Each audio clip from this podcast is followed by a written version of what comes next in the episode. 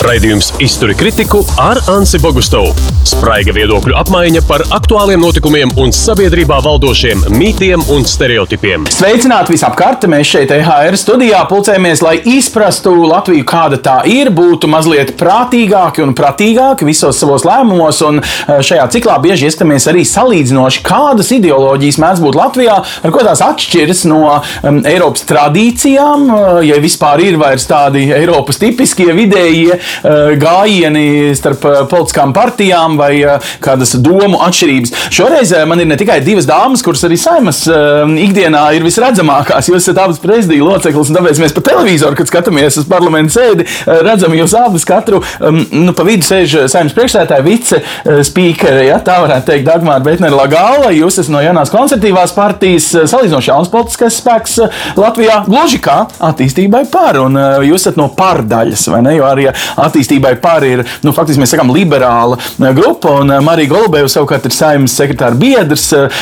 cilvēks, kuram jārūpējas arī par ikdienā visām iespējamām ar saimas dokumentāciju saistītām lietām. Var cikot, jūs esat amatpersonas ikdienā, bet tas bija tas mērķis. Paldies, ka esat gatavi salīdzināt un varbūt mazliet arī izstāstīt tās skaistās sadarbības iespējas. Tātad mēs tā ļoti vienkārši sakam, konservatīvie ir kā labējāk domājoši cilvēki. Viņi no sākuma grib domāt, kā nopelnīt, un pēc tam sadalīt. Iepratīm varbūt sociāldemokrātiem.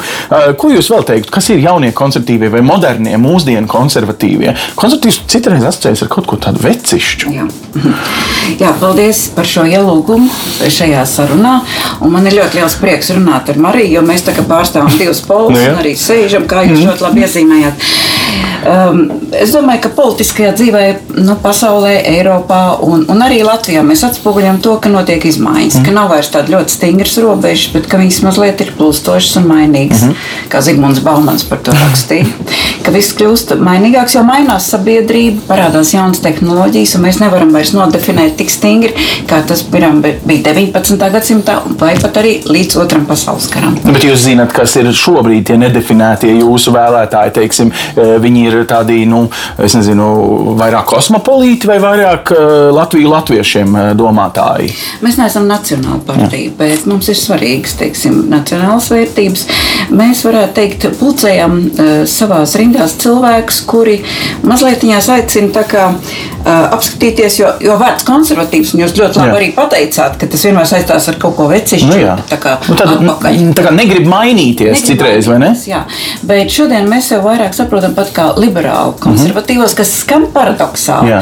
Bet tas ir tās mūsu dzīves paradoks, jo mēs uzskatām, ka valstī varbūt nav tik daudz jāiejaucās privātajā biznesā, uzņēmējdarbībā, bet tas nenozīmē tas, ko sauc par tečerismu. Uh, Mēs vairāk orientējamies uz tādām tradicionālām vērtībām, jo jaunās tehnoloģijas mūs uh, faktiski, uh, mēs redzam kādu lielu pārmaiņu vidū, mēs esam nepārtraukti. No, jūs atceraties pagers? Šodien būtu jāsmējās Nu, vai bet ne? viens otrs glabā, lai parādītu mazbērniem, Vai ka ne? kādreiz tā bija. Jā, uh, un kaut vai 30 gadu laikā.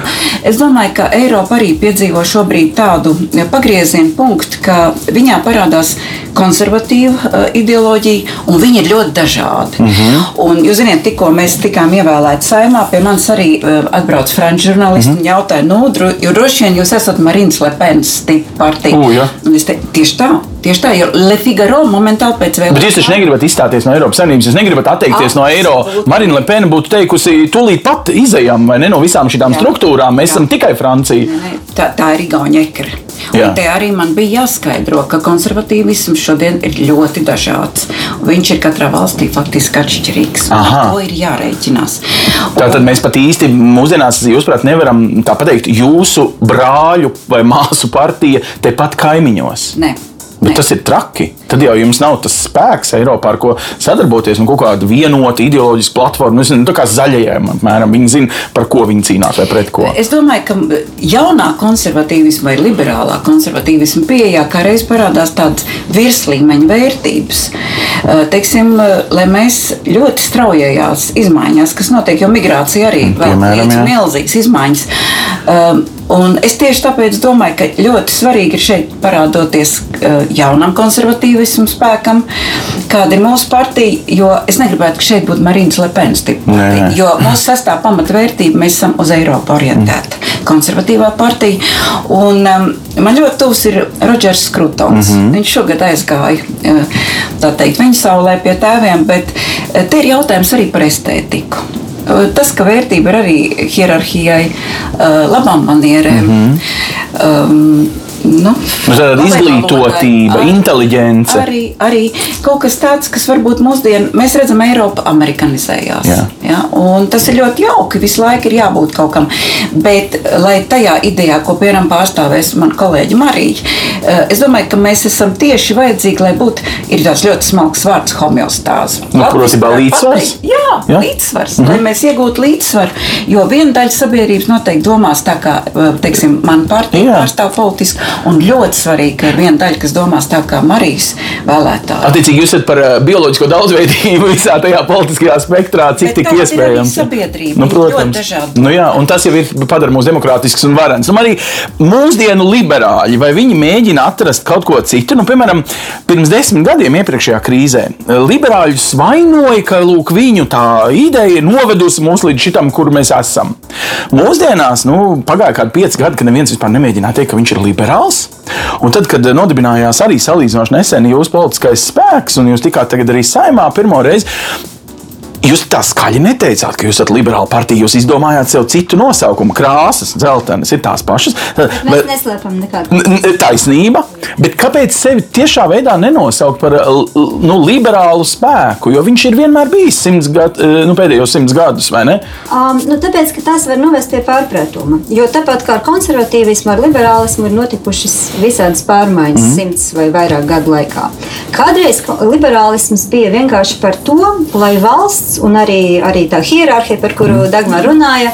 Um, neiejauktos cilvēka dzīvē un neierobežotu viņu. Un tā bija vienīgā liberālisma pamatēs. Cik tik var mazāk valsti? Jā. Lai neko neregulē. Tieši Tirgus tā, nosaka visu. Tieši tā. Un arī katrs pats ir savs laimes kalējs, kas principā es joprojām piekrītu šim principam, bet Nav jau tā, ka mēs visi esam vienādās pozīcijās, kad Jā. mēs piedzimstam. Ja? Mums eh, kādam ir izglītoti vecāki, Jā. kādam tevs ir profesors, kādam ir uh, mamma apkopē, un tevs nav zināms, un, kur. Un nav naudas, par ko aiziet skolā un izrauties. Tieši tā, tieši tā. Un šajā gadījumā jautājums ir, ja mēs vienkārši sakam, mēs nevienam nejaucamies, netraucējam viņam būt savas laimes kalējam, tad uh, var skaidri saprast, ka dažiem cilvēkiem ir lemts aiziet tālu, mm. tāpēc ka viņiem ir bijis, kā Ungāri saka, stiprs vējš aiz mugurā, mm -hmm.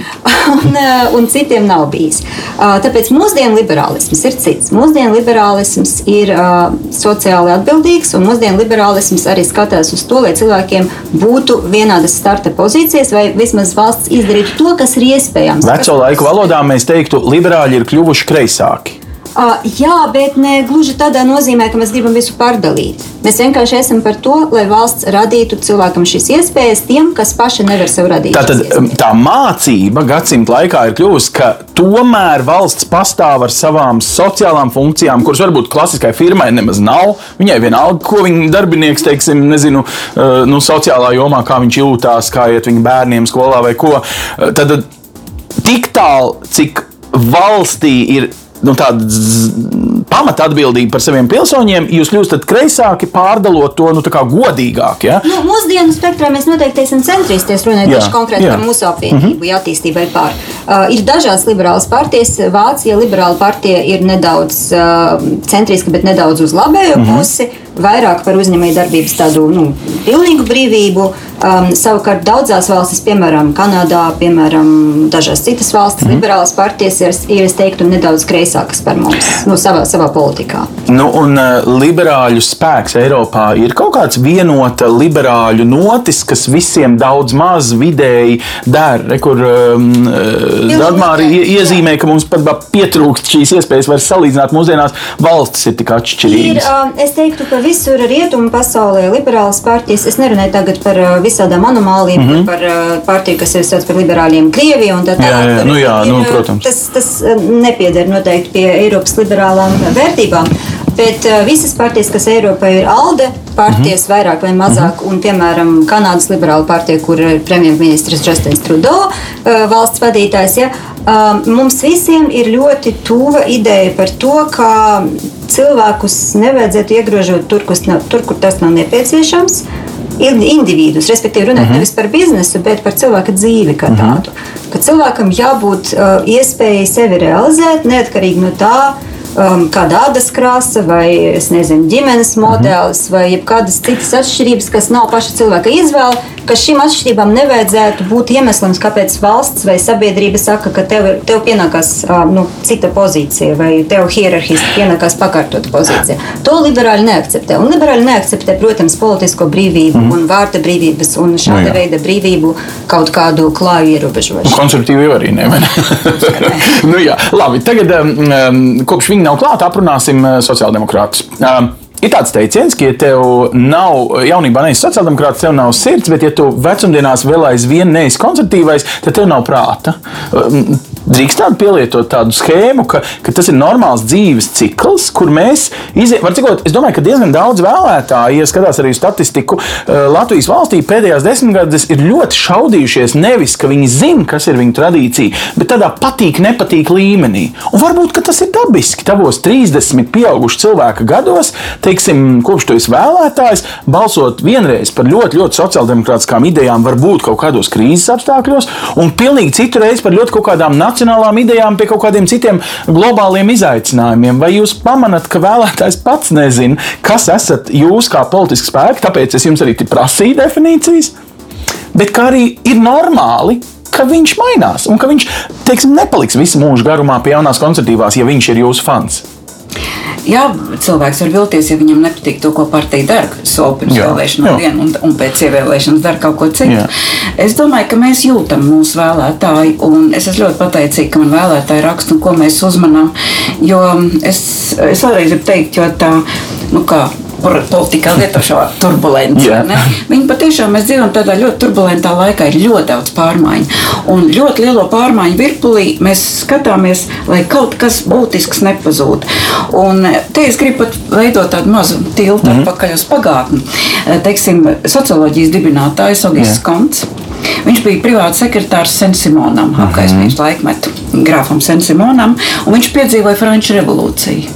Un visu to, kas pēkšņi mhm. notiek, mhm. un mēs pēc doktora Živāgo kaut vai romānu un filmu zinām, eh, kādas milzīgas pārmaiņas. Un to, ko Augusts Konts teica, Un viņš ieraudzīja, jo Francija atdalīja baznīcu no valsts. Jā.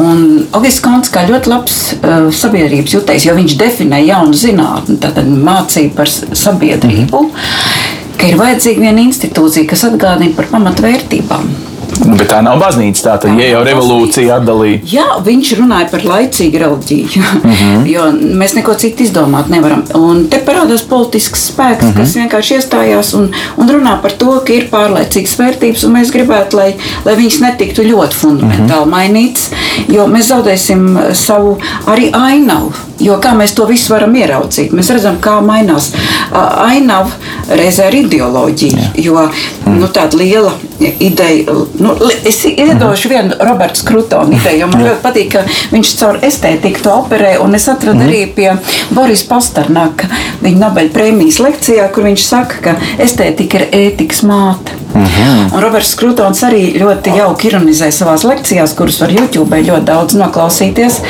par to, kā modernā šī ļoti brīvība, jo arhitektūra tā ir lielas formas jā, māksla, jā.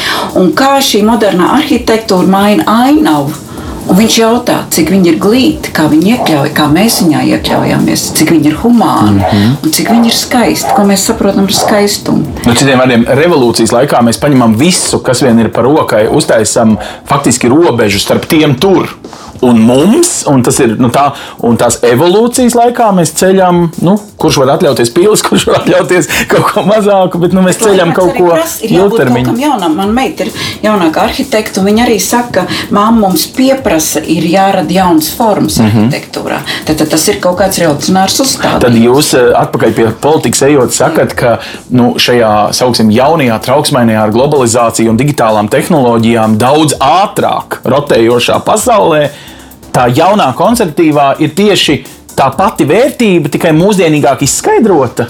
Jā, un aicinātu padomāt, ko mēs gribam saglabāt ļoti straujajā virzībā uz priekšu. Kas un jums būtu ok, ja pēc pieciem gadiem jūsu politiskās partijas it kā pamatvērtības būtu citas, bet tā saglabāšanas sarakstā būtu diezgan daudz strīpojumu, jo mēs secinām, ka nu, nav vērts saglabāt. Un jūs ņemtu klāt kaut kādas jaunas, nu, nu vienalga, nu, vienkārši parasti liberāļi ir gatavi visam jaunajam vairāk nekā konservatīvie.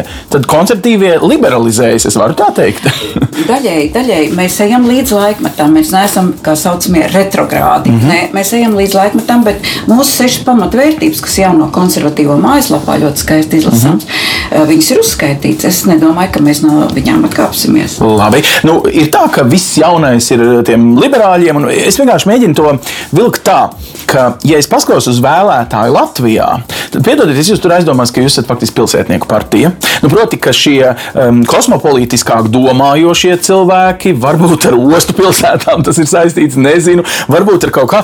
Un ka nu, koncertīs vēlētājs viņš tā kā dzīvo laukos, es nesaku, ka viņš ir nu, veclaicīgs. Bet no otras puses, varbūt um, nestereotipizēsim to cilvēku, kas dzīvo ārpus lielām nu, jā, protams. Ja mēs, protams, dzīvojam urbānā civilizācijā. Un mūsu civilizācija neatkarīgi no tā, kur cilvēks dzīvo, pēc būtības tā ir pilsētnieku veidota jā. civilizācija. Rietumu civilizācija mm -hmm. ir mhm. pilsētnieku veidota mm -hmm. civilizācija. Pamatvērtības ir pilsētnieku veidotas. Cita lieta, ka cilvēks var baudīt tās pašas tiesības, mm -hmm. tās mhm. pašas iespējas arī dzīvojot ārpus pilsētām. Piemēram, piekļūt caur internetu jūsu podkastam var jebkurš, ja nevis tikai cilvēks. Cerams, ka viņam tikpat ātri viņš uploadosies vai downloadosies, vai ne kā, piemēram, Rīgas centrā. Līdz ar to visu laiku stāstīt cilvēkiem, kas nav pilsētnieki, ka, nu, lūk, jums te jākultivē kaut kādas mm. ļoti atšķirīgas vērtības. Es domāju, ka viņiem pašiem ir skaidrs, kas mm. viņiem jākultivē, un ir lietas, kuras viņi domās citādi, ka pilsētnieki, mm. tāpēc, ka viņu fiziska realitāte ap viņiem ir cita un ģimenes pieredze ir cita, bet ir lietas, mūsdienas ļoti daudz cilvēku ir mobili. Ir ģimenes, kur daļa dzīvo pilsētā, daļa laukos. Tas ir vairākums, es domāju. Latvijā, Tieši tā. Ja?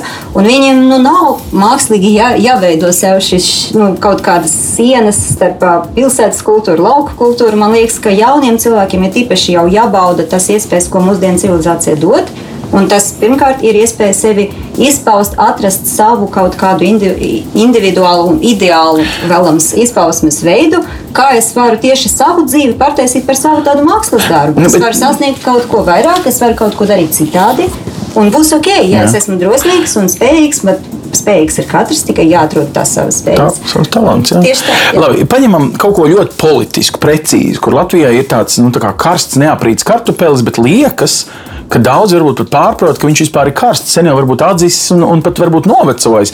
Ir Stambuls konvencija. Latvijā visdrīzāk viņa tuvākajā laikā atkal būs politiski svarīga. Nu, jūs partija pat ir prasījusi satversmes tiesai nu, konsultāciju. Vienkārši ir vai nav kaut kāds risks Latvijas Jā, valstī es, eh, para, eh, jau parakstītam dokumentam, arī saimnes akceptu uzlikt, tad viņi stājas spēkā Latvijā. Kāpēc jūs politiskajai partijai tā konvencija ir tik svarīga brīdī, kad es redzu, ka diezgan liels vairākums partijas saka, ko tas dos, tur ir kaut kādas pārspīlētas pārspīlētas vērtības, kuras ir pārāk, es nezinu, modernas. Mēs esam konservatīva sabiedrība. Mums vajag nu, lēnāk par tiltu. Dažus terminus mēs tur lietotos vispār nesaprotam. Izskaidrojiet mums. Un tad uzrodas varbūt arī viltus skaidrotāji, kuri skaidro to, kas nemaz nav īstā definīcija. Nu, kā jau politikā. Tagad... Nu, tas ir man tad jautājums šiem cilvēkiem ir, nu, kas ir pārāk moderni? Vai um, tas, ka sievietei nav jābaidās no sava dzīves biedra, pat ja viņš kļūst agresīvs, ka viņi būtu būtu jābūt spējām nu, mierīgi šķirties mm. bez vardarbības. Tas ir pārāk moderni vai nav? Mm. Ne, nu, tas ir tikai humāni, vai ne? Humāni, jā. Jā. Līdzīgā veida domājot par uh, cita veida vardarbību, kas ir iespējama ģimenes kontekstā. Mēs zinām, ka tā ir. Ir vardarbība pret, uh, piemēram, dēliem, kas nav tādi, mm -hmm. kas atbilst nezinu, viņu tēvu priekšstatiem mm -hmm. par uh, pareizo dēlu un tam līdzīgi. Ir ļoti daudz dažādu Jā. vardarbības veidu. Jautājums, vai mēs uzskatām, ka tas ir kaut kas, par ko labāk nerunāt, mm -hmm. labāk pieklājīgā sabiedrība to nepieminēt, vai mēs uzskatām, ka ne problēma pastāv. Viņa pastāv visās valstīs, viņa nav tikai Latvijā, bet arī Latvija viņa ir. Mēs zinām no Eiropas statistikas, ka mums, diemžēl, katra trešā sieviete ir piedzīvojusi mm -hmm. kaut kādu veidu vardarbību. Un jautājums ir, nu, ko tad mēs uh, turpināsim izlikties, ka tikai ar to, ka mēs atsevišķos likumos kaut ko uzlabojam, mēs tiešām to izdarījām. Jā mums tas vairs nav aktuāli. Tas ir aktuāli, diemžēl, arī mūsu sabiedrībā. Nē, nu, vienkārši tas, ko daudzi saka, ne jau ka mēs noliedzam, ka, ka, ka tas ģimenes, diemžēl, ir skapī un ar to ir jācīnās, bet ka pati pievienošanās konvencijai jau neko neatrisinās, ka vairāk ir jā, jāstrādā ar reāliem gadījumiem, ar reālu cilvēku izpratni, ar, Bet ar vērtību sistēmas uh, izglītību. nenoliedz, ka jāstrādā ar reāliem Jā. gadījumiem. Vienkārši tas ir tāds valsts apliecinājums visaugstākajā līmenī, ka valsts tiešām uzskata šo par pirmā līmeņa problēmu. Nevis par trešā vai ceturtā līmeni, Mhm. mm -hmm. bet par pirmā līmeņa problēmu. Kā droši vien vardarbība, īpaši tajos apstākļos, kur cilvēki daudz nerunā ar svešiem un nestāsta, ka tā ir ā, nevis viena no tur 100, 200 problēmām, bet tā ir viena no mega problēmām. No aptuveni tāda līmeņa, Mhm. ka nabadzība. Ar viņu jācenā. Jaunie konservatīvie to redz eh, caur liberāļu acīm vai caur konservatīvām, kuri teiks, ka nevajag skriet visiem uh, moderniem dokumentiem uh, iekšā. Vienkārši, nu, ja tā drīkst teikt, uz līdzīgu vēlētāju vērsta kāda cita konservatīva partija, Nacionāla apvienība iestājās nu, tā kā, es nezinu, ļoti stipri durvīs tai konvencijai iepriekšējā saimā. Šīs saimas laikā, kā jums liekas, vai vienā konservatīvā varētu atbalstīt šo kā tādu ietvaru dokumentu, kā domāšanas virzītāju? Es ļoti labprāt atbildēšu, jo jaunie konservatīvi arī balsoja par te. un Es ļoti labprāt paskaidrošu, jo es gribu piekrist manai kolēģei Marijai, ka patiešām vardarbība ir ļoti nopietna problēma ne tikai Latvijā, visā pasaulē. Pēc Covid vardarbība ir vēl vairāk pieaugusi, jo cilvēki ļoti lielā šaurībā dzīvojuši. Latvijā ļoti slikti atpazīst arī garīgu vardarbību. Tā teikt, vardarbībai ir ļoti daudz un dažādas formas. Teiksim, ja es jums uzdodu jautājumu, jūs man neatbildat, tā arī ir Jā, vardarbība. klusēšana, kā tāds Jā, pazemošanas jā, veids. ja? Arī veids. Mm -hmm. Es gribētu šeit paskaidrot, jo, kāpēc pret Stambulas konvenciju, jo esmu to arī izstudējusi un sapratusi, ka vardarbība pret sievieti, pret bērniem, vienalga pret abiem dzimumiem. Teiksim, pirms 15 gadiem Ņujorkas policijā vardarbība pret vienu vai otru dzimumu bija 50 pret 50. Arī mm. sievietes ir vardarbīgas. Mm -hmm. Mums jārunā vairāk par vardarbību kā tādu, un visās viņas izpausmes formās, kā, ko līdz viņa tikai sākās. Bet kur es redzu, teiksim, ma, mans partijas, un, un es arī redzu šo eh, pretošanās šai konvencijai. Es gribu teikt, ka vardarbību kontrolē valsts. Mm. Tā, tā ir valsts funkcija - kontrolēt vardarbību. Un vardarbība ģimenē tas ir valsts kontrole, kā valsts var nodrošināt, lai ģimenē uh, tiktu sniegta palīdzība, kur viens no partneriem ir vardarbīgs. Tas ir augstākā mērā svarīgi, jo mums policija to neatpazīst pietiekami un uh, ļoti daudzās pozīcijās, kur ne, neatpazīst, kur tas būtu vajadzīgs. Es tagad negribu mm. iegrimt detaļās, bet es gribu uh, vienu konceptu piedāvāt. Um, un tas ir no Douglas Marija faktiski ideja krātuvs kurš runā par Eiropas dīvaino nāvi. Un tieši tāpēc Eiropā ir jāpretojās, jo mūsdienās, ja tu gribi būt revolucionārs, tad jābūt konservatīvajam. Un Douglas Marijs, kurš pats ir nu, homoseksuāls cilvēks, mm viņš teica, ka visas šīs uh, homoseksuālā uh, jautājuma idejas, tas ir LGBT tiesības. Mm. Viņš saka, tas ir ļoti svarīgs, viņas ir jāatbalsta. Un es gribu teikt, ka mūsu partija arī ir liberālais un vēl konservatīvākais spārns. Bet viņš iedeva ļoti labu metaforu, kas man palīdzēja arī saprast valsts līmenī. Viņš saka, ka LGBT tiesības, jo mēs redzam, ka viņas ir arī tur teiksim, uh -huh. aizsargāt. Tas ir ļoti svarīgi. Mums jārunā par cilvēku uh -huh. cieņu, jeb kāds cilvēks. Bet tas ir software. Uz kā nevar balstīt hardware, kas ir sabiedrības balsts. Un tieši šis soft un hardware tā, uh -huh. tāds salikums, teiksim, arī var, vairāk varētu pārstāvēt šo ideju, kas ir software, uh -huh. ko arī mūsu liberālais spārns mūsu partijā uh -huh. akceptētu. Mums jārunā par cilvēku cieņu. Man lielākie iebildumi ir tas, ka ir viena organizācija, un tur ir vairāk kā 20 punkti, kas ir veltīti Grēvijo organizācijai. Uh -huh. Un tā kā man paudze pieder pie tās, kas piedzīvoja Vandars Tūla -huh. komisāra vizītes un Latvijas uzmanīšanu, un, tā teikt, uzraudzīšanu un audzināšanu. Es negribētu, ka manai valstī būtu jāaug pašai un jānodrošina, lai mēs šo vardarbību savā valstī Bet- bet tagad tā. valstiski. Bet- Bet, bet- bet, nu, ar vēl vēl, vienu. Nebaidās citas ļoti attīstītas rietumu valstis, kas parakstījušas. Nu, viņas nebaidās, ka pie efektīvas šīs organizācijas. pie viņiem jau arī brauks. Bet viņas jau nevar mazināt, tāpēc, ka viena starptautiska organizācija atbrauks, nemazinās vardarbību ģimenē. Nē, Bet pagaidiet, bet mazinās nostāja. Jā, un, un zināmā zinās, ka nu, tiem policistiem, kam, piemēram, ierodoties konkrētā gadījumā, viņi zinās to vērtību sistēmu, kas tad ir tas, ko tā valsts, kuras vārdā viņš kā policists ir ieradies šajā ģimenes konfliktā, kas ir tā vērtību sistēma, pēc kuras mūsu valsts vadās, tā tad arī es kā valsts amatpersona, kā šis policists, kas te rīkojas konkrētajā um, situācijā. Sanāk, jūs prasat vairāk valsti, bet nedodat šim vairāk valsts aparātam it kā nu, tādu ideoloģisku ietvaru. Kas tad? Nu, kaut vai tie Mēs nedodam, mēs kā reiz gribam par to runāt, jo valsts, varētu teikt, emancipācija, jo faktiski mums ir ļoti maz valstiskuma pieredze latviešiem. nu, taisnība, jā.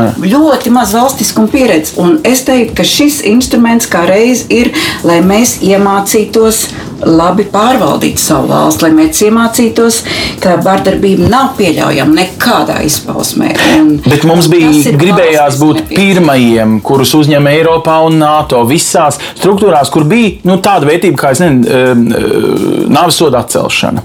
Eh, Taisnīga tiesa, eh, godīgi visi principi, un ko uz to mēs gājām. Nu, cik tik ātri var, lai tikai ātrāk tiktu drošā un kultūrālā vietā, ja? izglītot un bagātu cilvēku saimē. Šī nepiedara pie šīs pašas eh, schēmas, nu vienkārši nākamais solis. Viņš ir pārāk kardināls, pārāk tā kā cita veida vērtībās bāzēts. Es nedomāju, ka mums ir katra ieteikums, ko piedāvā Eiropa, jāpieņem kā tableti Jā. uzreiz. Es nedomāju, jo Eiropai bija ieteikums, teikt, slēgt cukurfabrikas. Nu, un mēs jā. ieraudzījām, kādu reakciju tas deva sabiedrībā, kādas uh, nodarbes sfēras tika iznīcinātas, cilvēki kādā izmisumā bija. Bet, cikot, mēs esam kļuvuši apdomīgāki. Mēs neņemam visu kā tabletes, ko Eiropa dod. Ja? Ansi, tas ir par mums, par jauno konservatīvo. Labi, nu, bet, Bet. Latvijas, Latvijas valstiskums ir visai cienījama un jau diezgan pieredzējusi institūcija. Simts gadi tas ir daudz. Nu, labi, Pasaulē- 50 bija okupēti. Pasaulē un arī Eiropā. Arī Eiropā ir daudz valstu, kas, kas vispār ieraudzīja tā teikt, gaismu tikai 90. Nu jā, gados. protams, jā. kā mums vajadzētu arī nedaudz, man liekas, nu, nedaudz relativizēt šo savu sajūtu, ka nu, mums ir sliktāk nekā citiem iet, un mēs Mhm. gājām, un mēs līdz ar to mums vajadzētu kaut kā īpaši uzvairi, izvairīties un uzmanīties no, no visādiem tur um, komisāriem, kas varētu pie mums atnākt. Mhm. Kopumā Latvija pašlaik ir spēcīga, nostiprinājusies valsts. Es uzdrošinātos teikt, viena Eiropas um, attīstīta valsts. Ekonomiski varbūt ne tik labklājīga kā Vācija vai Zviedrija, bet nu, Jā. tomēr.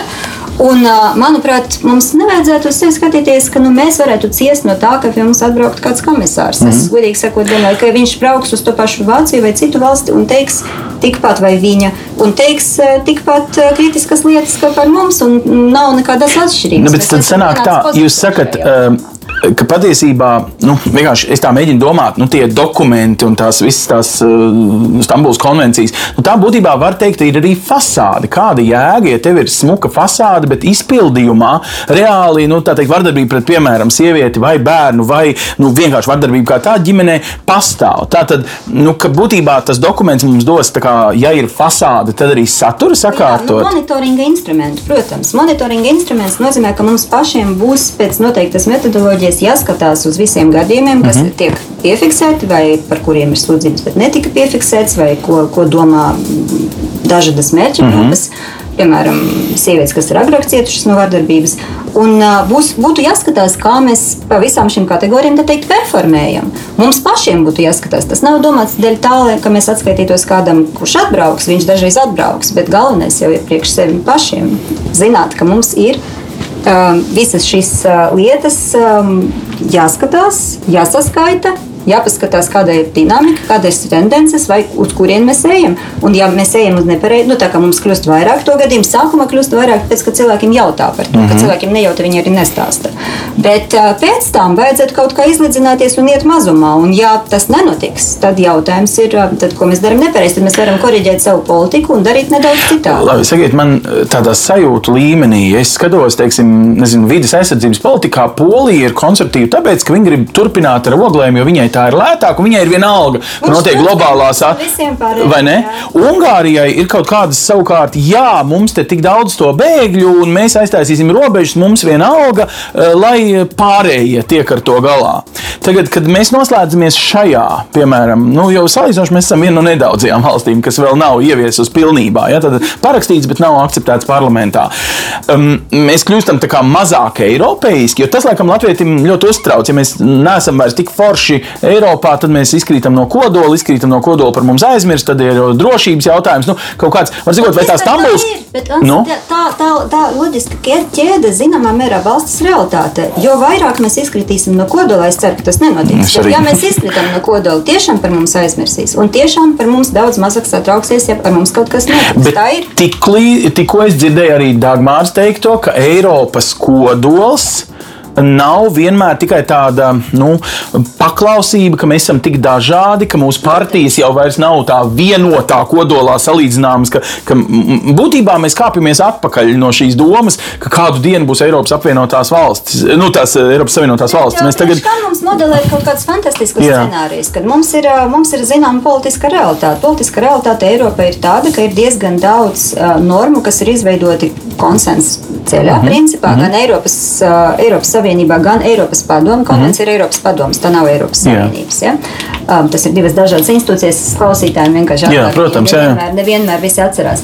Un Eiropas Padoma ir daudz plašākā organizācija, kur pārstāvētas ne tikai demokrātiskas valstis, um, un tur arī ir daļa valstu, kas, protams, neratificēja un dažas, ka neparakstīja, mm -hmm. bet nu, vairākums lietas tomēr jā. parakstīt un ratificēt, pateicoties mm -hmm. lielākoties, protams, Rietuma Eiropas mm -hmm. piemēram um, kas attiecās uz, uh, uz to, vai mums ir vajadzētu skatīties vienmēr uz sevi, nu, pārbaudīt, vai mēs esam gan eiropeiski. Protams, ka nē, mēs esam Eiropa, mēs esam eiropeiski. Bet tas, par ko runa Dagmāra, ir tāds nu, kultūra vēsturiskais kodols. Tas, par ko es šajā gadījumā runāju, ir politikas normatīvu aktu kodols. Jūs sakat, ka Dagmāra skatās vairāk uz pieredzi un jūs uz nākotni? Nē. Es nemēģināju tā konceptualizēt. Mēs abas skatāmies gan uz pieredzi, gan uz nākotni. Tas, ko es mēģināju pateikt, ir, ka um, paralēli tam kultūrvēsturiskajam kaut kādam mm -hmm. kodolam, par kuru visu laiku notiek diskusijas un strīdi un cīņas, mm -hmm. ir arī politikas, politikas kompromisu veidotais Jā. Eiropas kodols, kas ir ļoti svarīgs, jo Eiropas Savienība nevarēs bez tā funkcionēt, arī Eiropas padome mm -hmm. nevarēs bez tā funkcionēt. Un es teiktu, mēs zaudētu, mm -hmm. ja viņas nefunkcionētu. Dagmar, var apgalvot, ka jums vienkārši ir nu, sākotnēji bail no šīs nelāgās statistikas, ka patiešām konvencijas rezultātā būs pārbaudas, kuras nu, parādīs, cik patiesībā Latvijā ir liela tā agresija. Un mēs vienkārši nu, slēpjamies, nu, negribam dzirdēt sliktas ziņas par sevi. Nu, tas nav nekas glaimojošs. Mums varētu pieksīties arī, ka nezinu, cietumos mums vēl aizvien, diemžēl, nav ideāli apstākļi pēc nezinu, rietumu standartiem nodrošināti. Ka, nu, ir kaut kādas lietas, kur mēs augam. Un, un šeit mēs tajās augšanas grūtībās negribam dzirdēt patiesību, negribam ieskatīties spogulī, tāpēc labāk nepieņemam konvenciju. Nu, tas nav tā, ka es domāju, ka mēs varbūt pietiekami e, publiskajā sfērā, mēdījos ļoti maz pievēršamies tieši vardarbības jautājumiem. Kā jau vēlreiz saku, fiziskā vardarbība jau ir tāds gala rezultāts. Un te, um, es zinu, ka mēdījos ik pa laikam raksta, raksta, bet tas ir jautājums, jo kas skar cilvēka dabu. Mm. Tas ir Zigmunds Freits, Tanatos un Libidos. Mm. Un, uh, mēs bez agresijas arī nevarētu izdzīvot. Jā, jā nu tā mūs citreiz arī baroja. Sadistam, piedodiet, lai iedurt ar skalpeli cilvēku miesā, viņam jābūt vienai kvalifikācijai. Um, tā kā šie jautājumi, es domāju, ir daudz tādi nu, smalkāki, mm -hmm. kā varbūt ar vienu konvenciju viņas var noregulēt. Uh, protams, ka Eiropa grib, uh, un tas ir ļoti skaisti, ja mēs kļūstam estētiski vienādi savādāk ar Eiropu, ka tie ir labi ceļi eh, un visādi citādas ļoti svarīgas lietas. Bet ir kaut kāds līmenis, manuprāt, kas ir valstīm jāmāk eh, pašai sakārtot.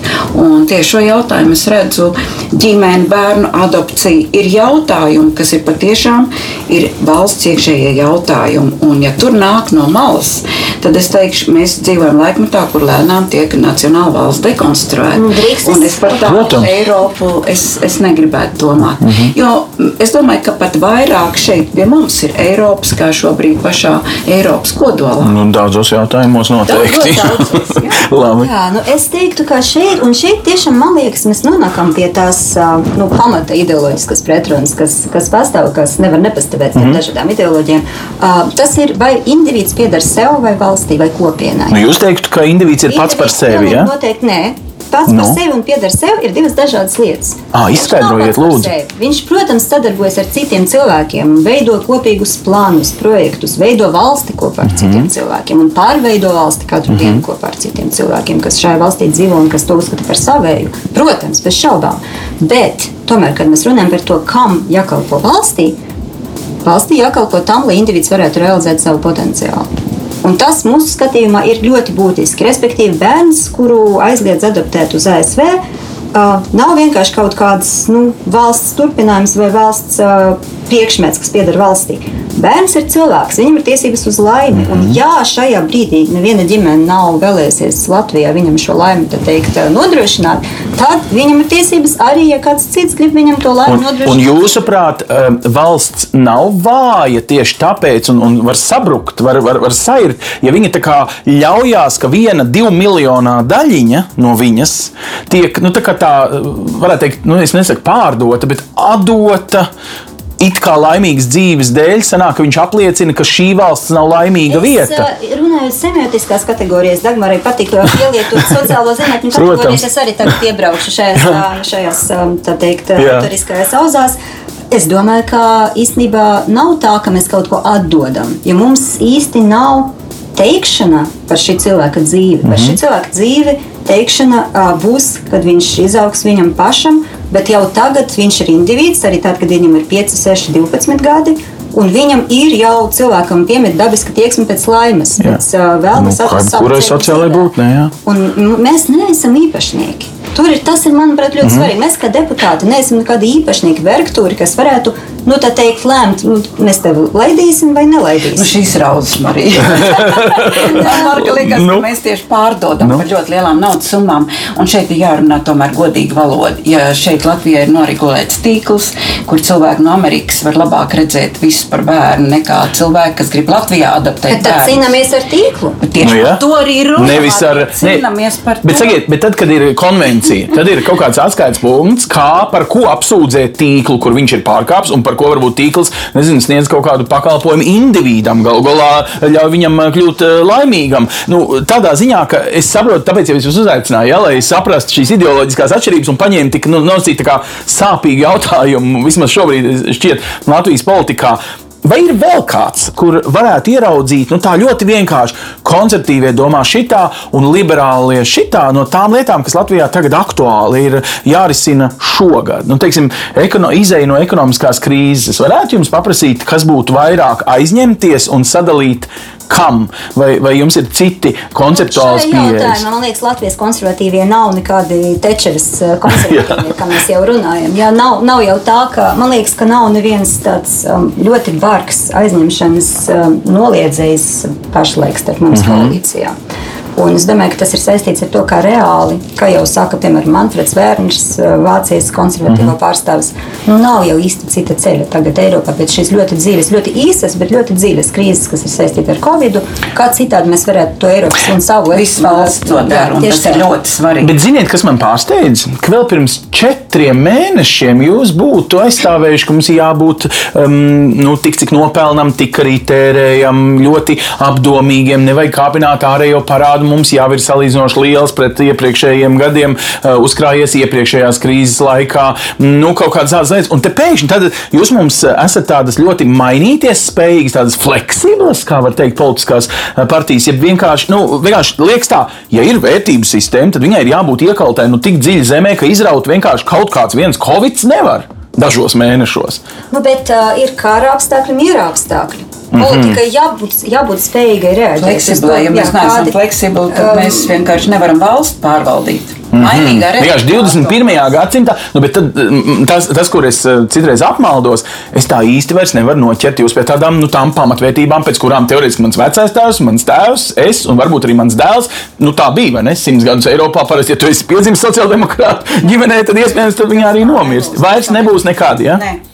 Es domāju, ka mēs, mēs tiešām pa laikam kļūstam liberāļi, mm -hmm. konservatīvie, un, un dažkārt varbūt liberālais spārns par kaut ko ļoti konservatīvu iestājās mm -hmm. un nav pietiekami fleksibli. Mm -hmm. uh, mainīgā realitāte šobrīd ir tiešām tāda, nu, pasaule ļoti mainās, un tas ir pateicoties tehnoloģijām. Un mums, diemžēl, ir jā, jāmainās līdzi. Ja, bet, nu, es kā vēlētājs, nu, man, man taču ir jāzina, kā jūs pati, man liekas, Dagmar, tikko teicāt, nu, ka es jau varu vilties jūsos un nākamajā reizē par kādu citu balsot, bet tad arī es kļūstu tāds, nu, šaudos pēc deguniem, nē, nevis nē, pēc. Nē. Uh... Tāpēc, ka jūsu dzīves realitāte mainās, un tas ir ļoti svarīgi, jo mēs veidojam demokrātiju. Ir ļoti svarīgi, jūs pieviļaties vienā demokrātijā, nu, partijā. Nu, jā, jūs izvēlaties, kas varētu pārstāvēt jūsu viedokli citai partijai, jūs dodat šo savu uzticību, ka viņi pārstāvēs jūs. Un, manuprāt, šis vilšanās process ir ļoti svarīgi. Lietosim šo vārdu vilšanās, mm -hmm. jo tas ir veids, kā mēs demokrātiski attīstāmies. Nu jā, caur krīzēm. Mēs griežam muguru un aizējām, es nepiedalīšos vēlēšanās. Nē, vienkārši šie cilvēki, kas sapulcējās zem šiem karogiem, man pievīla. Es izvēlēšos citus, bet man ir jāizvēlās, kas aizstāvēs manu viedokli. Ja drīkst, ja jūs iesaisties šajā sarunā ar vienu piemēru. Liberāls pirms desmit gadiem bija Teju Lamvārds. Tagad atkal es teiktu, ir ļoti labs atbalsts jūsu idejām sabiedrībā, ir, ir labi reitingi, ir stabili. Tā, tad, ir ok, ka sabiedrībā ir ups and downs, kā mūžīgi saka, arī konkrētām, it kā pat eksistējušām un gados arī vienotībā, ja pastāstās reitings starp gandrīz netikt saimā un tagad vislielākais trīskārtais, četrkārtīgs pieaugums dažos mēnešos. Tie ir cilvēki vai tās ir tieši tās nevērtības, tā neturēšanās pie kaut kā konstanta? Šajā konkrētajā gadījumā cilvēki ļoti daudz skaties uz to, kā kurš politiķis uzvedas vai politisks spēks uzvedas tieši tajā krīzes mm, laikā. Okay. Kā, es domāju, ka mums tas ir īstermiņā. Jā, bet nu, no otras puses, tas, ko es redzu, jā, pakāpeniski, īpaši jaunajās paudzēs, nu, aug zināms atbalsts gan mums, gan, jā. gan arī pat progresīviem, kas ir vēl daudz mhm. kreisāk mm -hmm. šai gadījumā. Un es domāju, ka tas ir saistīts ar to, ka jauni cilvēki, nu, tā saucam, mileniāļu paudze un tā, kas nāk pēc tās, tomēr lielā mērā skatās uz, um, uz tādām nu, emocionālām vērtībām, kas ir saistītas ar individu šo, šo sākotnēja tieks, tieksme pēc laimes. Un mm -hmm. es mhm. domāju, ka tas, kas ir ļoti svarīgi, kādreiz bija tāds ļoti labs sociologs Inglhārds, nezinu, vai viņš joprojām ir dzīves, bet viņš izveidoja tādu statistikā balstītu ļoti, ļoti pārliecinošu teoriju, ka, kad sabiedrība sāk dzīvot labklājīgāk un tā diezgan stabili, tad cilvēki vairāk sāk domāt par tādām vērtībām kā pašizpausme. Mm -hmm. Vai mani ņem vērā, vai manu viedokli ņem vērā darbā vai ģimenē, un mazāk uz to, cik man ir bankā uz konta. Teiksim, tas ir tā kā mēs pieņemam par uh, doto. Nu, dotu vienkārši realitāti, ka mēs ne, ne, nemirsim badā un mēs sākam domāt par citām lietām. Un, ja Latvija beidzot aug tās jaunas paudzes, kuras piedzīvo šo, piedzīvo salīdzinoši labklājīgu dzīvi, un viņi jau ir gatavi domāt par citu, par pašizpausmi, par savu potenciālu, par savu individu, individuālas izvēles atzīšanu no valsts puses, no, no citu cilvēku puses. Un es domāju, ka tas ir labi. Un tas Tas ir tā tāds, manuprāt, trends, kurš ir nu, nedaudz pastāvīgāks. Bet tas, ka, ko mēs pašlaik redzam katru gadu, kad mainās partiju reitingi, tas ir saistīts ar konkrētu politiķu rīcību. Un sabiedrība, protams, prot novērtēt vai attiecīgi sodīt, ja mm. rīcība šķiet no aplama. Nu jā, nu tās tāds eh, starp tikai divām vēlēšanām redzamas, bet tā, tā globālā tendence, jūsuprāt, tā tad ir, ka mēs dzīvojam jau tik labi, ka mēs kļūstam ar vien individualizētāki, ar vien lielāks ego pieaug. Ja? Ne obligāti fragmentētāk. Es teiktu, ka tas mums nevajadzētu vienkāršot šo Jā. situāciju. Jā, mēs no vienas puses kļūstam lielāki individualisti, bet labā nozīmē. Bet mēs arī kļūstam iejutīgāki. Ja mums arī cita individa sāpe tiešām sāp, kā Juvals Nois Harāri droši vien zināt to ļoti slavenu mūsdienas intelektuāli, viņš saka, ka pēc būtības nu, mūsdienu civilizācijas uh, vērtība ir mazināt ciešanas. Mm -hmm. Mēs mazinām ciešanas, lai cilvēki liek lieki neciestu. Mēs viņam neliedzam to, kas nevienam citam nekaitēs, nedarīs pāri, bet tam cilvēkam būs labāk. Un mēs attiecīgi domājam par katru, nu, lai viņam mazāk būtu jācieš. Iejūtīgāk un iekļaujošāk. Vai varētu teikt, ka konservatīvās vērtības ir saistītas ar vairāk uh, valsti tādā ziņā, ka uh, nu, individu mazāk? Mēs te par šo divreiz jau, jau runājam, un ka, ka jaunās konservatīvās vēlētājas kā, pirmā vietā liek valsti un otrā tikai sevi, ja drīkst tā, nu, tā kā, um, dzirdēt. Es, es arī vienkāršoju, laikam, bišķiņ, to, ko Marija saka. Tas nav tas, cilvēku, jā, tas nav tas pats. Tātad nevis ego, bet cilvēku cilvēku kā viņa individuālās vajadzības un ko. Tad vairāk valsts izklausās ar jūsu partijas ideju. Um, es domāju, ka mums ir jāsaprot, ka cilvēks viņš top no. Pirmkārt, jau no referencēm, ko dod viņam vecāki. Mēs esam faktiski sociālo attiecību summa. Mm es atvainojos. Un tieši tādā nozīmē Mēs arī var, varbūt pārstāvam šo 80. gadu konceptu, express yourself, mm -hmm. kas ir kā pamats. Jā, tas ir ļoti svarīgs, pārticīgs sabiedrības piemērs, bet šo pārticību mēs nevaram uzveidot, ja, mēs nerespektējam savu tuvāko apmēru cilvēkus, noteikti hierarhiju, noteikti savstarpējo attiecību modeli. Jo nu, tur ir vienmēr tāda galējība, tāds galējs individuālisms. Es tomēr aicinātu vienmēr atcerēties, ka mēs esam visu sociālo attiecību summa. Mēs sevi nevaram saprast bez sabiedrības. Un tieši sabiedrība šeit ir vajadzīga. Es pat redzu, socioloģija ir atšķirība starp anglosakšu un franču tradīciju, kur Francijā ir ļoti svarīga kopiena sabiedrība. Uh, angļu tradīcijā, anglosakšu tradīcijā tas ir indivīds. Un, un šīs divas tradīcijas arī teorētiski vienmēr ļoti skaisti viena otru papildina, jo tā ir atkal tās līdzsvaru dēļ. Tas ir vajadzīgs, jo mēs nevaram aiziet atkal pa vienām lapēm, lapām un zariem projām. Tieši tāpēc atcerieties, ka mēs savstarpēji veidojam šo valsti tīklojumu. Kāpēc mums ir valsts, kāpēc mēs runājam latviešu šobrīd, mm -hmm. bet nepiģinām lingua franca vai vēl Jā, kaut kā. Ne? Ne, savā ziņā man prieks, ka mēs runājam tomēr latviešu. Man vismaz tā ir vieglāk. Es to bērnībā iemācījos pats, nezinot, ka es iemācos. Nu, labi, jāmācās valodas, to mēs secinām. Jebkurā gadījumā es gribu saprast, um, kurā brīdī es kā vēlētājs varēšu justies stabili, lai kāda būs mana izvēle, tā partija, nu tā kā nepazudīs. Viņa tā kā nav viendienīga. Kā jums liekas, 30 gadu neatkarības mēs esam piedzīvojuši mirkli, ka tas, ko es šobrīd redzu Latvijas parlamentā, varbūt kāda apvienosies kaut kādas nu, konservatīvās, mums ir vairākas. Centrā arī ir, var teikt, vairāk spēlētāji. Um, nu, kreisajā flangā arī veidojas divi. Viņi gan laikam uz apvienošanos nav mērķēti. Tātad, uh, vai skaistums ir tajā? Ka mēs tieši esam tik daudzi un dažādi, vai šajā, kas man pāri okeānam skatoties, veido tādu automātisku antagonismu, ierakšanos te vai tādās kara mm, tranšējās, kur ir tikai divas partijas, un ka tieši šis ieguvums man kā sabiedrībai šeit, Eiropā, mani nomierina tas, ka jūs man esat tik daudzi un dažādi politiskie spēki, um, kur Amerikā es redzu cilvēku gandrīz jau kaimiņš ar kaimiņu sāk karot par lietu, kur varbūt nemaz nevajag karot. Šis ir labi vai slikti? Drošība, drošība ir arī viens no aspektiem, par ko mēs runājam ar vien vairāk mūsdienu pasaulē. Eh, es gribētu tomēr citēt vecos ķīniešus, ka nedrošība ir pati dzīve. Mm, nekas nav tik uh, mainīgs kā. Jā, jā. Uh, un, jā. Un, mēs uz tādu stabilitāti, protams, konservatīvisms ir uh, šīs mazlietiņās, tā kā Platons arī teica, ka visu laiku mēs nevaram tā teikt, pasauli mainās. Mm -hmm. Platons arī teica, nu, ir kaut kas vajadzīgs kā vertikāli, mm -hmm. lai mēs būtu savienoti ar kaut kādām tādām nu, pārlaicīgām vērtībām, ap kurām mēs varētu pulcēties vienā vecuma teiksim, posmā, kad jūs saprotat, o jā, es esmu redzējis pasauli un es redzu, kādas vērtības es gribētu mm -hmm. aizstāvēt un kas ir tie cilvēki, kas aizstāvēs manas idejas valsts, jo valsts sākās ar likumdošanu. Mm -hmm. Un, un tā ir cilvēka izvēle mainīt, un es uh, savu izvēli politisko, bet ļoti apzināti, manuprāt, ka jūsu redzējums ir ļoti svarīgs tajā ziņā, ka mēs, mēs ceram, ka cilvēki mēģinās aizdomāties par šo. Jo kā mēs mūsu valsts varam veidot, atbalstīt, eh, būt politiski aktīvi. Ne tikai iet uz vēlēšanām, negribat stāties partijā, bet atbalstiet kādu ideoloģiju.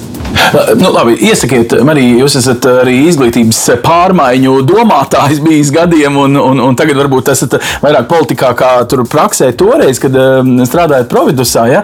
Mm, nu, piemēram, jaunieši ļoti bieži domā, ka viņi atbalsta nu, vājāko nu, mazāko no partijām, kur varbūt ir kaut kur virs 5% barjeras, un viņi, um, iedodot viņam spēku, patiesībā uh, piestrādā pie šī dažāduma, ja, jo, jo dažādībā nu, ir spēks no, no tāda viedokļa. Vai viņi rīkojas pareizi vai nepareizi, ka viņi balso nevis par to, ka viņi klāj tic, bet to, ka viņi jūt nu, tādu līdzjūtības sajūtu. Nu, varbūt viņš ir pelnījis būt tajos reitingu apakšā. Nevajag viņam lieki dot spēku. Nu, jūs, kā salīdzinoši jauns politisks spēks, taču arī piedzīvojat zināmas šaubas, vai mēs pārspīle, pār, pārspļausim teikt, par 5% barjeru un, un kaut kādas lietas. Vai, vai šādu metodi jaunietis varētu ieejot politikā savā ik četru gadu balsojumā par uh, politisko partiju pielietot? Ļoti labs jautājums. Es domāju, ka ja jaunietim ir skaidra pārliecība, ka viņš, piemēram, ir progresīvais vai uh mhm. -huh. liberāls uh -huh. vai mhm. konservatīvs, uh mhm. -huh. tad es nedomāju, ka viņam īpaši jāskatās pa labi, pa kreisi Jā. un jādomā, es nu, tikai jāskatās vienmēr, vai tās partijas programma tiešām atbilst tam tavam vērtībām, vai tas tikai ir nosaukums. Tas vienmēr jāpārbauda, bet jā, tik ilgi, kamēr tu piekriti tam vērtībām, ko pauž šie politiķi, es domāju, par to arī jābalso. Tomēr pārliecība ir nozīme. Bet no otras puses, ja tu vienkārši nezini, par ko balsot un izvēlējies pēdējā brīdī pēc principā šiem klājas sliktāk, vai mēs viņus atbalstīsim, nu varbūt jāpadomā, jo, protams, ka tas sadrumstalota balsošana Latvijā veido šo diezgan tādu, kā lai sāka, nu, nevienmērīgi kvalitatīvu politisku procesu. Mm -hmm. Un it īpaši, kad cilvēki balso vadoties pēc tā, ka tur ir viens foršais čāls, mm -hmm. kurš forši runā radio vai televīzijā, es noteikti iešu un par viņu balsošu. Bet viņš ir iespējams tikai viens foršs līderis, nu, aiz viņa stāv kaut kāda kompetences trūkums pārējiem tikpat labi. Palasiet programmu, paskatieties, ko darīja pirms viņi kļuva par kandidātiem tie cilvēki, kas ir tā čāļa top komanda. Mm -hmm. Teiksim, pirmie 10 vai 11. Mm -hmm. Vai viņiem tiešām ir tā pieredze, tas zināšanas, pasaules skatījums, kas palīdzēs Latviju padarīt jūsu, jums tikamāku. Bet, sakiet, Citreiz man var sajūgt vērtības. Mēs visu laiku runājam, ka politikā ir jābūt vērtību sistēmai, vertikālai, tā. Vai, piemēram, vegānisms, riteņbraukšana un citas lietas, kas it kā parādās kā politiski jautājumi, vai viņi būvēs vai jauks nost riteņbraucēju celiņus vai ko. Vai tās patiesībā ir tās politiskās vērtības, pēc kā man kā, poli, nu, kā orientēt sevi? Vai nesnāk tā, ka tādi saukļi, kuri patiesībā ir dzīvesveids, nevis politika, mani patiesībā var novest no pareizām politiskām izvēlēm. Jo cilvēkiem, kuri būs līderi, kuri pieņems manā vietā budžeta sadali vai uh, citas lietas lēmumus, nu, Tas, vai viņš ir vegāns, vai viņš brauc ar riteni, iespējams neizšķir, ka viņš ir efektīvs, ka viņš ir godīgs un tam līdzīgas lietas. Vai mūsdienu politikā nav sajukušas visas šīs superīgās lietas pa daudz kopā? Nu, es teiktu, ka dažreiz, protams, tas ir kaut kas vairāk par dzīvesveidu. Es domāju, ka, piemēram, zaļā domāšana nav tikai dzīvesveids. Ja? Tas ir arī, tā ir arī politiska attieksme. Jo, piemēram, vai cilvēks domā par katru cenu mums vajadzētu vairot, eh, nezinu, iekšzemes koproduktu, vai mums vajadzētu par katru cenu mēģināt stādīt vairāk koku, veidot mm. vairāk velosipēdiņu un ierobežot autosatiksmi. Cilvēki ar dažādiem politiskiem uzstādījumiem iz, izdarīs dažādas izvēles šajā jautājumā. Mm -hmm. Tas nav tikai dzīvesveids.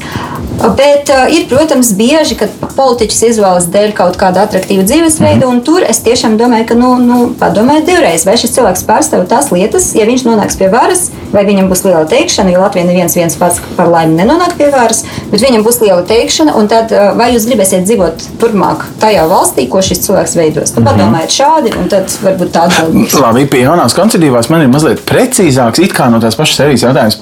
Ja es skatos uz partijām, kuras veido valdību piecām, tad tā līdaka, man liekas, ir jūsu loma. Jaunā konservatīvā biežāk skaļi un es pieņemu arī aiz slēgtām durvīm, apšauba lietas, kuras citi piedāvā. Nu, vienkārši darām šitā, un nē, padomājam vēlreiz, mums ir vērtības sistēma tāda vai kāda.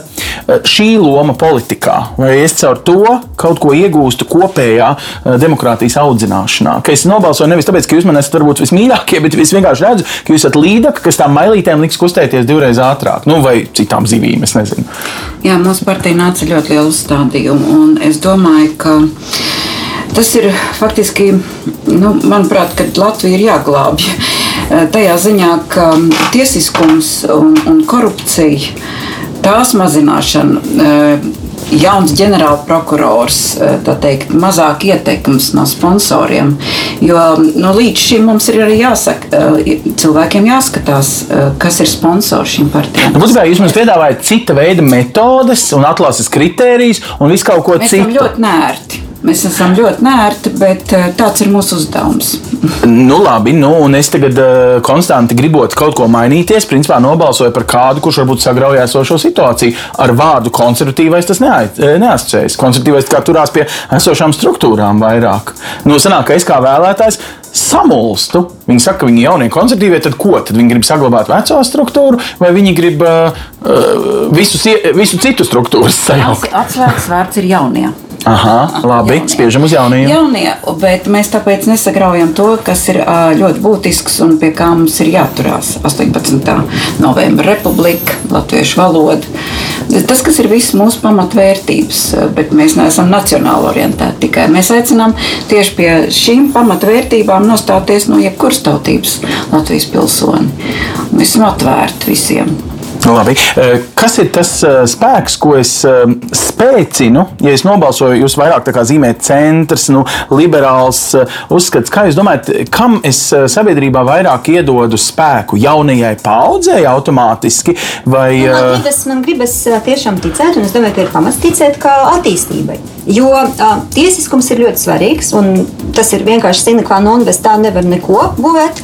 Uh, bet ir arī svarīgas lietas, um, bez kurām valsts arī tiesiska var būt, piemēram, uh, cietsirdīga valsts vai mazāk mm -hmm. attīstīta valsts. Mm -hmm. Un šīs lietas, man liekas, tas vērtības pievienojam zināmā mērā mēs, ka valstī jābūt iejūtīgai pret dažādiem cilvēkiem, mm -hmm. ar dažādām situācijām. Tā ir viena lieta.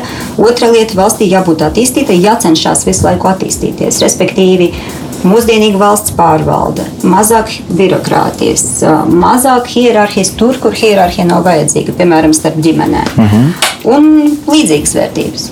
Jā, nu, jāpaturprātā, ka tiešām tāda liela, man liekas, lieta, administratīva teritoriāla reforma bija patiesībā jūsu partijas nu, iniciēta virzīt, un varbūt arī jums bija vieglāk to izdarīt, tāpēc, ka tieši jūs bijāt nu, jaunie spēki, bez varbūt nu, tādas. Tāpēc, mums nebija daudz pašvaldību vadītāju, kuriem jāglabā savu krēslu, tas ļoti palīdz. Piemēram. Bet šodien es, es gribu mums visus apsveikt arī Latviju un arī jauniešus ar to, ka prezidents šodien izsludināja šo mm. Likumu. Tad pēc būtības Latvija būs mazāk pašvaldību, kas būs vairāk tendence uz attīstību, un mm. cerams, ka arī valsts politikā palīdzēs tam attīstīt. Jā, mēs esam tādās pirms vēlēšanu sajūtās, tāpēc es ceru, mēs nerunājot par it kā aktuālajām vēlēšanām, tomēr varējām šajā sarunā jums, cienījamie klausītāji, nu, iezīmēt, ar ko atšķiras šie divi politiskie spēki šajā um, podkāstu ciklā un raidījuma ciklā. Mēs mēģināsim iezīmēt arī citus jā, starp viņiem ir atšķirības, bet tieši tās atšķirības saprotot, man liekas, mēs labāk saprotam ne tikai paši sevi, kā es kā vēlētājs iespējams varu reaģēt kādā vienā vai otrā mm, izaicinošā situācijā, eh, bet eh, pats galvenais ir arī, protams, apzināties, ka tā vāra jau reāli pieder mums katram. Attiecīgi uz vēlēšanām ir jāiet neatkarīgi no tā, vai man patīk vai nepatīk visi. Eh, man ir jāizdara savas izvēles, jo tikai tad tā vara ir manējā. Citādi es to atdodu kādam kaimiņam Jankam un mazums pēc kādām vērtībām kaimiņam Janka grib šo um, valsti pārvaldīt. Nedodiet varu kaimiņu Jankam un klausieties mūsu podkāstu. Uh, gluži vienkārši tāpēc, ka mēs te laiku pa laikam tiekamies ar gudriem, prominentiem, ie, iesaistītiem uh, cilvēkiem, kuri patiešām var mums izskaidrot viedokļus, kuri atšķiras. Un tas arī ir demokrātijas kalngals, varētu teikt. Kaut mēs būtu atšķirīgi un gudri pamatojot savas atšķirības uz redzēšanos. Tiekamies atkal nākošais. Paldies! Pilno podkāstu ierakstu meklē EHR mājaslapā vai aplikācijā, kā arī YouTube un Spotify. Projektu finansē Mediju atbalsta fonds no Latvijas valsts budžeta līdzekļiem.